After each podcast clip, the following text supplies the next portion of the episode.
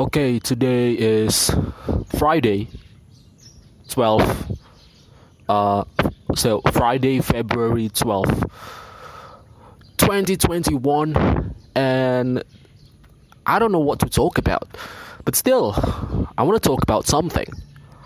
Alright, uh, so I picked some topics, and to be honest with you, man, it's not gonna be an interesting topic. You know what? I'm having a struggle to just say an interesting.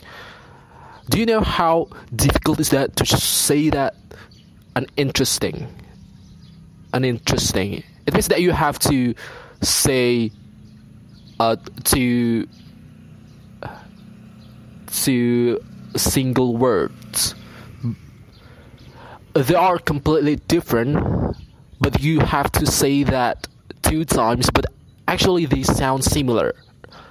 An in, an interesting. Anyway, fuck that. What am I talking about? That an interesting. Anyway, um. So the topic, I think, it would be about, and once again, it's not gonna be interesting. So I have to say sorry for you. You know, it's gonna bore you up until the bones. You know, it's gonna be boring, man. I'm sorry. Uh, the shape of the universe, because I just read yesterday. There's like a researcher from England saying that, well, the universe could be, uh, could not be flat, something like that. But we all know that our universe is basically flat. I don't know how many people in the world know that. Okay, but if you if you are someone who are into physics like me, I guess you would know. The universe is flat. So the universe is just like Earth. Well, you know, Earth. If you see with your bare eyes, uh, you're gonna see that it's flat. Well, basically, it's not. You know, it's just an optical illusion. All right. So it's sphere. All right. It's like a ball, but because you are so small, you just like one pixel from millions of pixel of the Earth. You're not gonna know that, and you just see the things around you uh, treating yourself like you are standing on top of a flat ground. But that's the thing. It's an optical illusion, right? But we don't know what shape the universe has, right? It can be like Earth, right? Like we are. We, it's like Earth 2.0, you know? So we live in Earth, and we all know that Earth shaped like a ball. And let's say that it's just like a ball on top of the ground, which the ground looks flat, but it's not. You know, it's just because we are too small. The thing is, it's actually flat. How do we know that? Well, I don't know about that. I don't know the detail, alright? But some smart folks out there figure everything out, you know, like using an advanced uh, calculations and an advanced technology they figure out. Well, basically, they're using CMB, cosmic microwave background, and they they they do something with that cosmic microwave background. And don't ask me what cosmic microwave background is because I need 20 minutes to just explain about that. And well, basically f- from that, and they also uh, see the way all the planets and all the objects around us, and not only Earth, but we also see the way Earth behaving. You know, because we all we all are affected to each other, right? And we are moving, you know, because of something that we called dark energy, and all of those factors. Uh, physicists say that we are uh, we are living in a flat universe, something like that. And then one day, I guess it's yesterday or two days ago, there's a researcher from England that claimed that no, it's not. We are living in a not flat uh, universe. So he did a calculation, by the way. Well, basically, it's the same as everyone else. It's using CMB, but the way he calculates CMB is quite different. So, well, basically, CMB is just like uh, I don't know how to say this.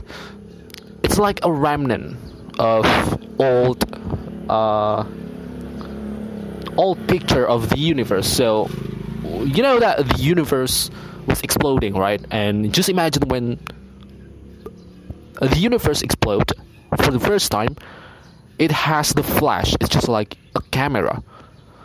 It has the flash, but because the flash is just too bright, and the universe itself is too big, the flash is moving forever. You know, it's just uh, getting smaller every single time you know because you have to realize that if uh, let's say that someone holds a camera and uh, picture you and capture you using their camera and they're using flash all right but they're capturing you from a place far away from you but the flash is too bright you still can see that right and the further you are from the cameraman, the dimmer the flash would be. You get that, right? So, because the universe is too big, you know, the light is traveling forever. And right now, uh, the age of universe is as long as what we all know, it's 13.8 billion years. It means that, well, at least the light has to travel for 13.5 million. Uh, I'm sorry, 13.5 billion years. Can you just imagine about that? The light has to travel for the amount of time 13.5 billion years. This is crazy, right? And we can see that, okay, like we have Planck satellite, a satellite uh, that is specialized that we send to our low Earth orbit to capture that picture. And by the way, the satellite can capture the picture every single time because it's always been there. It's just getting dimmer, all right? and this researcher from uh, this physicist from England, he he did a calculation by his own way, and he he said that it's it's not flat, bro. he's not saying it that way, but yeah, I mean he he concluded that it's not flat. That's the point. And how did he do that? Well, basically, it's uh, he's trying to calculate a lot of variables, and of course, it's it's just uh, a pic. Well, you know, it's just like one picture, right? And you know, one picture means a thousand words. You know about that, right? And so, if somebody take a picture of you and then they showed to their friends about the picture, their friends are gonna assume the story behind of the picture, right? And it can be different to anyone. You know, one person can interpret one picture differently from the second person, right? And the same goes with the third person. It's just different perspective means different interpretation. And that's what happened here.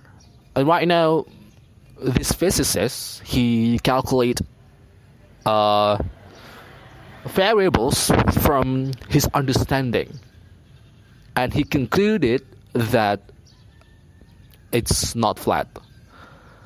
And what's the point of that? So, what's the difference between the universe is flat and not flat? Actually, there are three types of shape of the universe. You know, flat. Uh, it can be flat. It can be a sphere, like like the Earth or a planet or most of the objects in the space and it can also be like I, I don't know what kind of shape is that. So it's just like it's something that expands forever you know? It's not like sphere which is uh it's all connected right? I mean if you travel from one point you travel f- to the north right? One day you can arrive to the same point right but you can't do that if you are traveling through a flat universe. Because if you travel from one point one day, you're gonna get lost. You're gonna see yourself. Where the fuck? I, where the fuck did I go? That's what's gonna happen, and the same thing would happen for uh, this other shape of the universe. Uh, yeah, I, I don't know how to call that shape. You know, it's so. Here's the thing: if it's flat, it means that it's expanding forever. So the the, uh, the universe is expanding forever, but it's not so fast. You know what I'm saying? It's just it's balanced. Okay, it's it's still contracting because of the gravity. Because we all know that we are pulling each other, you know, one object with the other. It's just like Earth and the Sun. It's always pulling together, right? And at the same time, the universe also has dark energy, which is the force that push them apart. So there's a balance there. But still, dark energy is stronger, right? Not not really that strong actually. It's it's just because there there are too many space already you know? It's just like well you know what i'm saying. Space is space okay? There are a lot of space there. It's not like every object in the space are located closely like earth and the sun no. Like proxima centauri for example the closest star that we had in this universe after the sun. It's actually very far away. It's just uh, you, you need 4.26 years if you can travel with the speed of light to arrive there. Can you just imagine about that? It's just too far away, bro. And it's Proxima Centauri. And what about if we talk about another stars? It can be even further, right?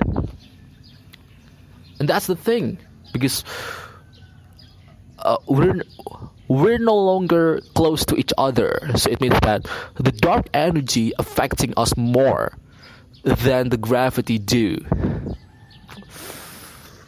So it's still expanding but it's not insane like like the other shape. And by the way if you are living in the universe that has a f- uh, a sphere shape. It's crazy, bro, because it's it's just like you are gonna stuck there. Anyway, someone's coming. Who cares about that? Uh.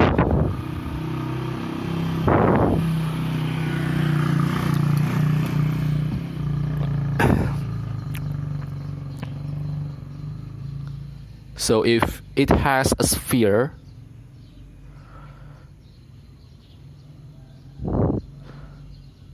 if it has a sphere, there are kids coming towards me. And they're gonna come to me and ask me, Yo, uncle, what did you do? you know, you know, just imagine if that happened, bro. Anyway,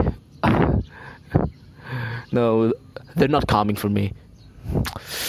uh, yeah. So what happened if the universe has this sphere surface, this sphere, this sphere shape? Oh my God, they're really coming. So what happened is they, uh, it's not expanding; it's actually shrinking. So one day we're gonna be one again, but it's gonna need a lot of time.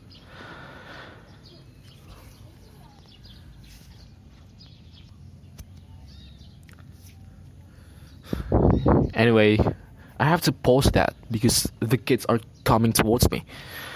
And if they ask me about something, I don't know what to say. Alright, so I need to stop for a while.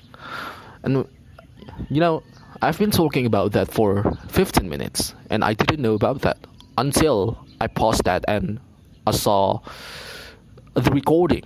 So, right now, we're gonna move to the second topic, which is I think I'm going to be talking about Elon Musk and what he did this week.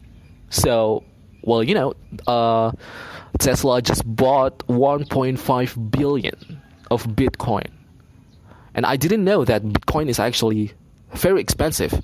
You know, it's it costs $42,000. 42,000 US dollars per coin. My goodness, I mean, uh, how like what percentage of that one coin that I can have right now? Because yo it's come on is it really that expensive? How how can it possibly be useful if it costs that much you know? I mean you need like a small uh, what is it? Like a currency that is small enough so you can do a trade very well you know. So the purpose of tesla for buying bitcoin is they believe that bitcoin is going to be useful someday all right? It's the currency of the future and they want to move forward. So they want to give their customers the the chance to buy the product using Bitcoin. But let's say that you want to buy Tesla Model X, for example, and how how much is that? Let's say that it's uh two hundred thousand dollars. Okay, it means that you you need how many Bitcoin? Five five coins, right? Come on, uh, five or six coins. You know, but f- five or six, come on. It, it, the difference is forty-two thousand dollars. Come on, it's not small. It's not a small number. So the point is this: I don't know how it works, bro. Probably you can you can buy something not using a coin. Well, you know, you're still using a coin, but sometimes you can use a fraction of the coin. So if you want to buy something and then you realize that one coin is too expensive, right? It has too much value. Probably you can buy that thing using only a fraction of that coin. Let's say that it's just like uh, one tenth of a coin. It means that it's four thousand dollars. Probably that's how it works. I mean, I don't know either. Anyway, uh, Tesla bought 1.5 billion to accommodate their customers if they want to purchase the products using Bitcoin, which is some kind of innovation. Actually, it's a move. It's a move. You have to appreciate that.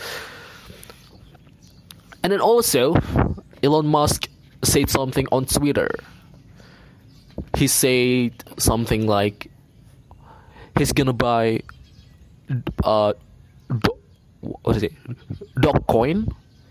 Well, Dogecoin is it's like Bitcoin, but it's not Bitcoin. You know, it's slightly different. I don't know what is the difference, but Dogecoin is just like a joke, something like that.